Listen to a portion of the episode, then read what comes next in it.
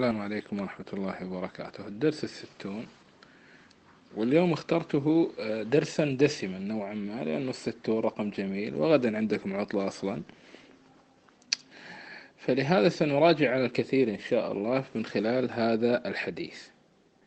عندنا حديث أن المؤمن يدرك بحسن خلقه درجات قائم الليل وصائم النهار. هذا هو الحديث. الحديث لما بحثنا عنه طبعا أنا بحثت من خلال برامج بحثية. ولكن بإمكانكم أن تبحثوا من خلال الوسائل التي طرحتها لكم.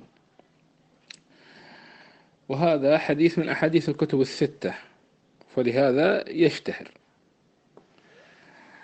أحد الطرق انتهينا إلى يعني أحد الطرق لما انتهينا من من جمعها أعطيك أعطيتك الخلاصة.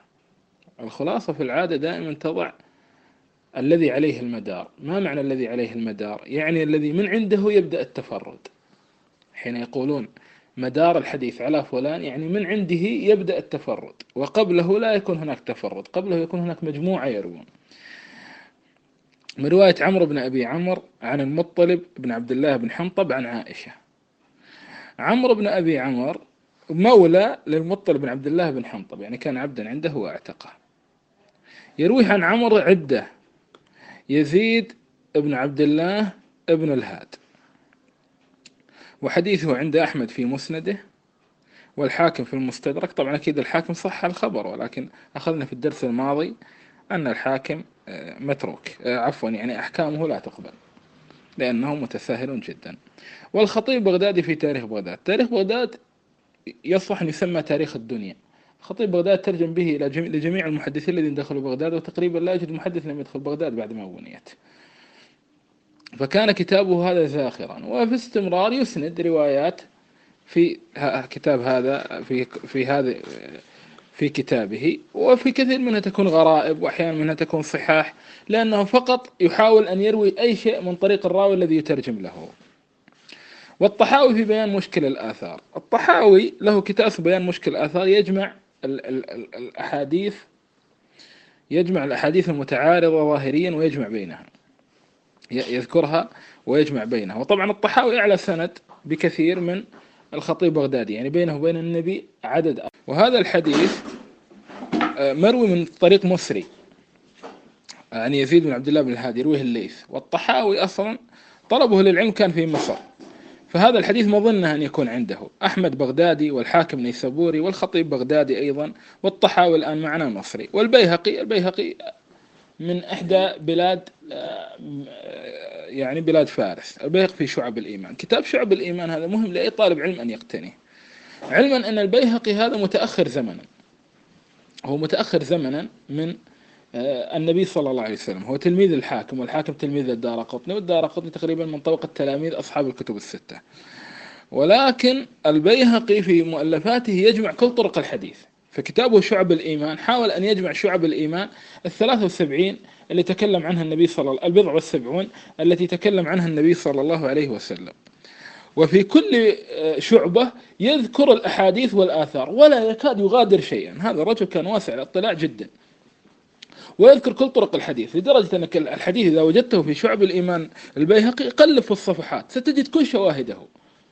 ستجد كل شواهده و و وطرقه و وأيضا هو ينبه. فكتابه يعني تقريبا بلغ رتبة الكمال العلمي. فهذا كتاب مهم لطالب العلم. قال وقوام السنة الأصبهاني في الترغيب والترهيب. هذا تقريبا هو مجدد المئة الخامسة أو السادسة؟ اسمه قوام السنة الأصبهاني. له كتاب الحجة في بيان المحجة مشهور. له كتاب اسمه الترغيب والترهيب يسند فيه الأخبار. قال والثعلبي في تفسيره. الثعلبي آه، له كتاب في التفسير مسند. وطبعا في التفسير ممكن يرد عليك حديث فبحث في حسن الأخلاق فتورد ما عندك. وابو العباس الأصم كما في مجموع مصنفاته. هناك مجموع مصنفات ابو العباس الأصم هذا يروي عن الشافعي بواسطة واحدة عن الليث بواسطة واحدة. والبغوي في شرح السنة. شرح السنة البغوي هذا من أهم كتب التي ينتفع بها طالب العلم. هذا حاول أن يلخص السنة كلها فقهيا وادابيا واخلاقيا. ويذكر آه، ما ما يستنبط منها وحتى عقديا. ويذكر هذا الحديث رواه البخاري هذا الحديث رواه تذكرون ماذا قلنا لكم آنفا قديما؟ قلنا لكم أن أننا لسنا نعرف ما في البخاري ومسلم من خلال مخطوطات البخاري ومسلم ومن خلال مخطوطات سنن أبي داود فقط. بل من خلال أناس عاشوا في أزمنة بعدهم ويسندون من طريقهم ويعزون إليهم. منهم البغوي البغوي عاش في القرن الخامس الهجري. آه، ما بين الرابع والخامس. فيذكر يقول لك هذا في صحيح مسلم هذا في صحيح البخاري. البغوي البيهقي نفس الشيء. طيب حتى والحاكم نفس الشيء وهكذا. فليست الوسيلة الوحيدة لأن نعرف ما في البخاري ومسلم مخطوطات ما في الصحيحين مع فيها الخير والبركة. وليس البخاري ومسلم هذا أيضا في أبي فيما يتعلق في أبي داود وفي الترمذي و وإلى آخره. قلت وابن بالدنيا في التواضع والخمول وفي مداراة الناس. ابن بالدنيا كما ذكرنا لكم رجل من طبقة أصحاب الكتب الستة. يعني في العادة يكون بينه وبين النبي أربعة أو خمسة أو ثلاثة. وهذا الرجل له كتب في جميع أبواب العلم. له كتاب في الإخلاص في التوبة فافا له كتاب في التواضع والخمول وله كتاب في مداراة الناس. فرأى هو رحمة الله عليه. من المناسب أن يورد هذا الحديث في التواضع والخمول وفي مداراة الناس. هذا أول طريق. اللي هو طريق يزيد بن عبد الله بن الهاد عن عمرو بن أبي عمرو الذي عليه المدار وقلنا عليه المدار يعني من عنده يبدأ التفرد. تابع يزيد بن عبد الله بن الهاد يعقوب الإسكندراني يعقوب بن عبد الرحمن الإسكندراني وهو مصري طبعا واضح من اسمه. وحديثه عند أبي داود في سننه.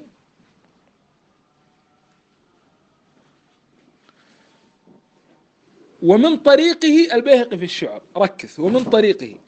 يعني هذا وجدناه في مخطوط السنن أبي داود وجدنا البيهقي أيضا يروي من طريق أبي داود المطابق لما في سننه. هذا يؤكد ما شرحناه لكم آنفا.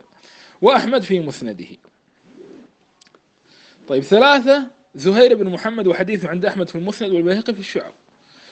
أربعة سليمان بن بلال وحديثه عند ابن حبان في صحيحه. خمسة إسماعيل بن جعفر وذلك في جزئه الحديثي. طيب طيب. ركز معي. الآن ذكرنا عدة مصادر لعدة مؤلفين في عدة طبقات في عدة بلدان كلهم يسردون الحديث بنفس المتن ونفس السند. هذا يدلك على إيش؟ يدلك على الدقة وعلى الصدق.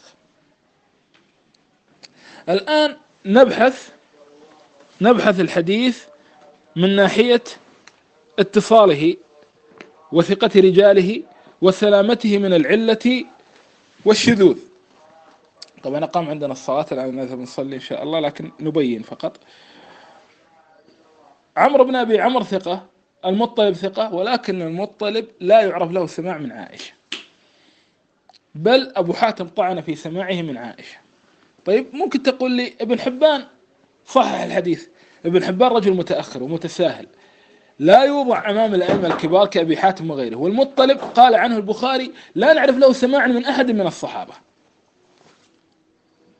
وقال أبو حاتم وغيره لا يعرف عنه سماع إلا من فلان وفلان وفلان. وعائشة بالذات لها خصوصية في صعوبة السماع منها. الرواة الذين رووا عن عائشة ولم يسمعوها كثيرين جدا. لماذا؟ لأنها كانت محتجبة. كانت في في بيتها. مو أي أحد يستطيع الدخول عليها. ولو دخل ما يستطيع أن يسمع إلا القليل لأن معك ناس. ولا يسمح لأي أحد أن يدخل عليها. لهذا بعض الرواة قال متحسرا غلبنا عروة بكثرة الدخول على عائشة. غلبنا عروة بكثرة الدخول على عائشة. ليش عروة غلب غلبهم بهذا؟ لأنه ابن ابن أختها. ولهذا أكثر روايات عن عائشة إما يرويها نساء وإما يرويها أقاربها وإما يرويها الأعيان. مثل الأسود بن يزيد الذي كانت تسمح له مشهور من الزهاد كانت تسمح له بعينه أن يدخل عليها. طبعا من وراء حجاب وتحدثه طيب. طيب. نكمل. حتى أنه من عسورة السماع من أم المؤمنين جابر بن عبد الله أحد الصحابة الذين شهدوا المشاهد وأبوه شهيد وهو شهد أحد مع النبي صلى الله عليه وسلم فيما بعدها روى مرة عن عائشة بواسطة وتنبهوا إلى أن أكثر طبقة يكثر فيها الانقطاع أكثر طبقة يكون فيها انقطاع هي طبقة ما بين الصحابة والتابعين. طبقة ما بين الصحابة والتابعين.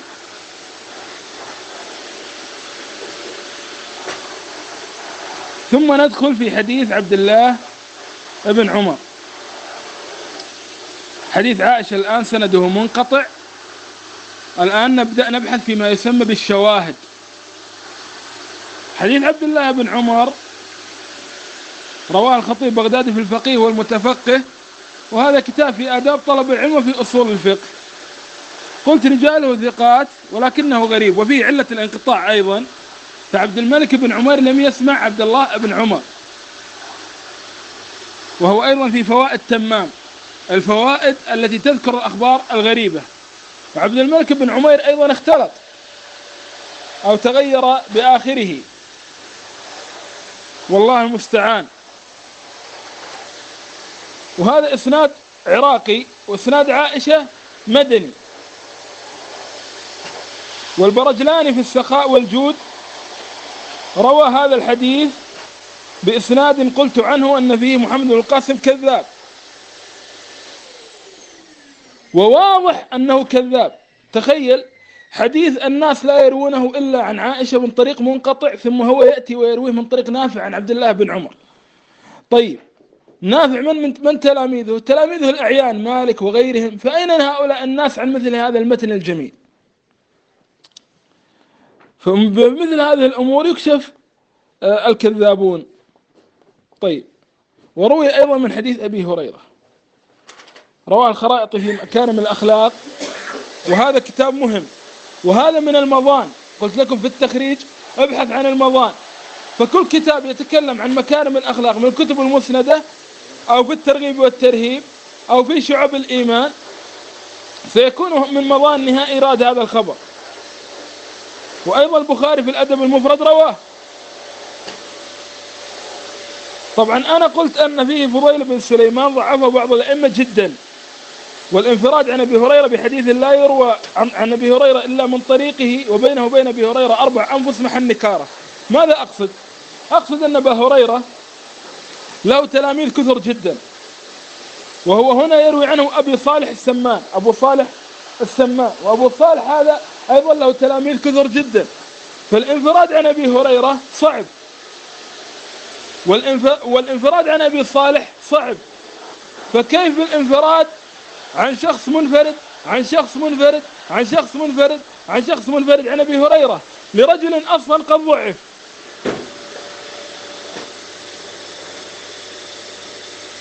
وقد رواه ولكن نجد أن الإمام علي بن المديني هنا روى هذا الحديث اللي هو علي بن عبد الله.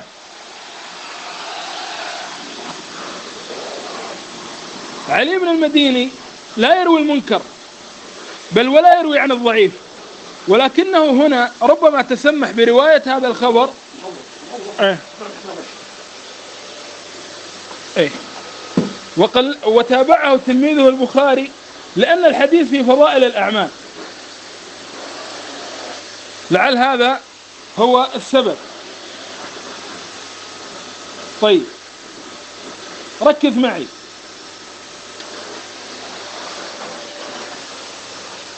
الحاكم في المستدرك روى هذا الحديث من حديث حبان بن هلال عن حماد بن سلمة عن بديل عن عطاء.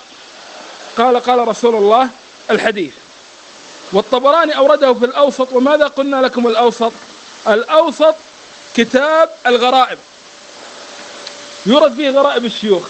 هذا الخبر غريب لماذا؟ انفرد به رجل عن منفرد عن منفرد عن منفرد عن أبي هريرة. يعني عندنا واحد اثنين ثلاثة أربعة انفرادات عن أبي هريرة. وانفرد به حماد بن سلمة وهو بصري من حديث عطاء بن أبي رباح إمام أهل مكة عن أبي هريرة إمام أهل المدينة. طيب أين أهل المدينة وأين أهل مكة؟ وحماد بن سلمة رحمه الله على إمامته لما كبر ساء حفظه. ثم إن الانفراد عن حماد بن سلمة بحد ذاته محل إشكال. وإن كان المنفرد ثقة. لأنه من الأئمة الذين له تلاميذ كثر. وحماد بن سلمة نصوا على أنه يخطئ في غير روايته عن ثابت وحميد.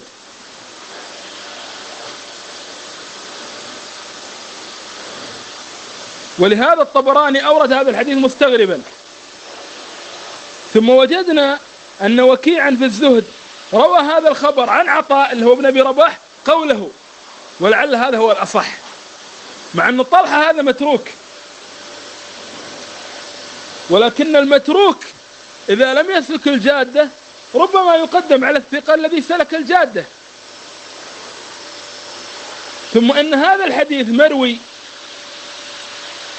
عن عطاء بن أبي رباح عن أبي الدرداء بلفظ آخر في أن إصلاح ذات البين خير من الجهاد والصيام و فلعل هذا هو الحديث واختلط الأمر على حماد بن سلمة. روي أيضا عن طريق عبد الله بن عمرو بن العاص. من حديث ابن لهيعة عن الحارث بن يزيد عن ابن حجيرة الأكبر عبد الله بن عمرو. هذا إسناد مصري كله ثقات إلا ابن لهيعة. ابن لهيعة رحمه الله اختلط احترقت كتبه. طيب مت... الأئمة متفقون أن عبد الله بن المبارك وابن وهب رووا عنه قبل الاختلاط. ومن الأئمة من يراه ضعيفا حتى قبل الاختلاط. ولكن روايته قبل الاختلاط أخف. متفقون أن ابن وهب وابن ابن المبارك رويا عنه قبل الاختلاط وهذا الحديث روى عنه ابن وهب وابن المبارك. فربما إذا أضافنا هذا الحديث إلى حديث عائشة يكتسب الخبر قوة.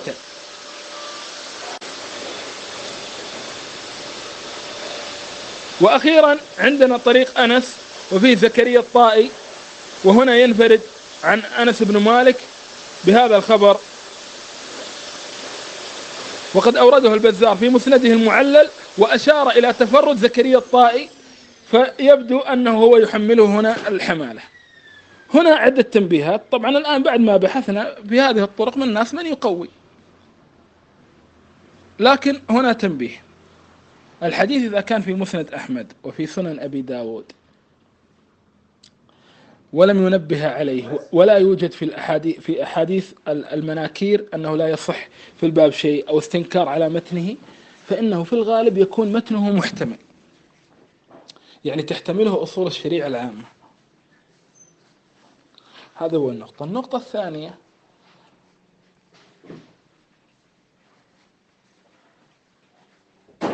لو أردنا أن نبحث في الشواهد الأحاديث التي نعرفها أو أو نحلل المتن.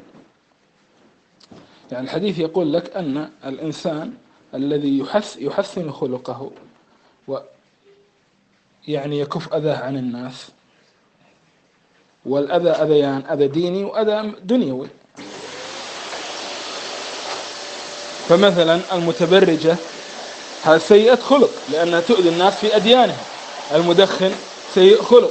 الشاهد فإن هذا الشخص قد يصل إلى رتبة الصائم القائم هل في هذا المعنى إشكال؟ لا لا يوجد إشكال لماذا؟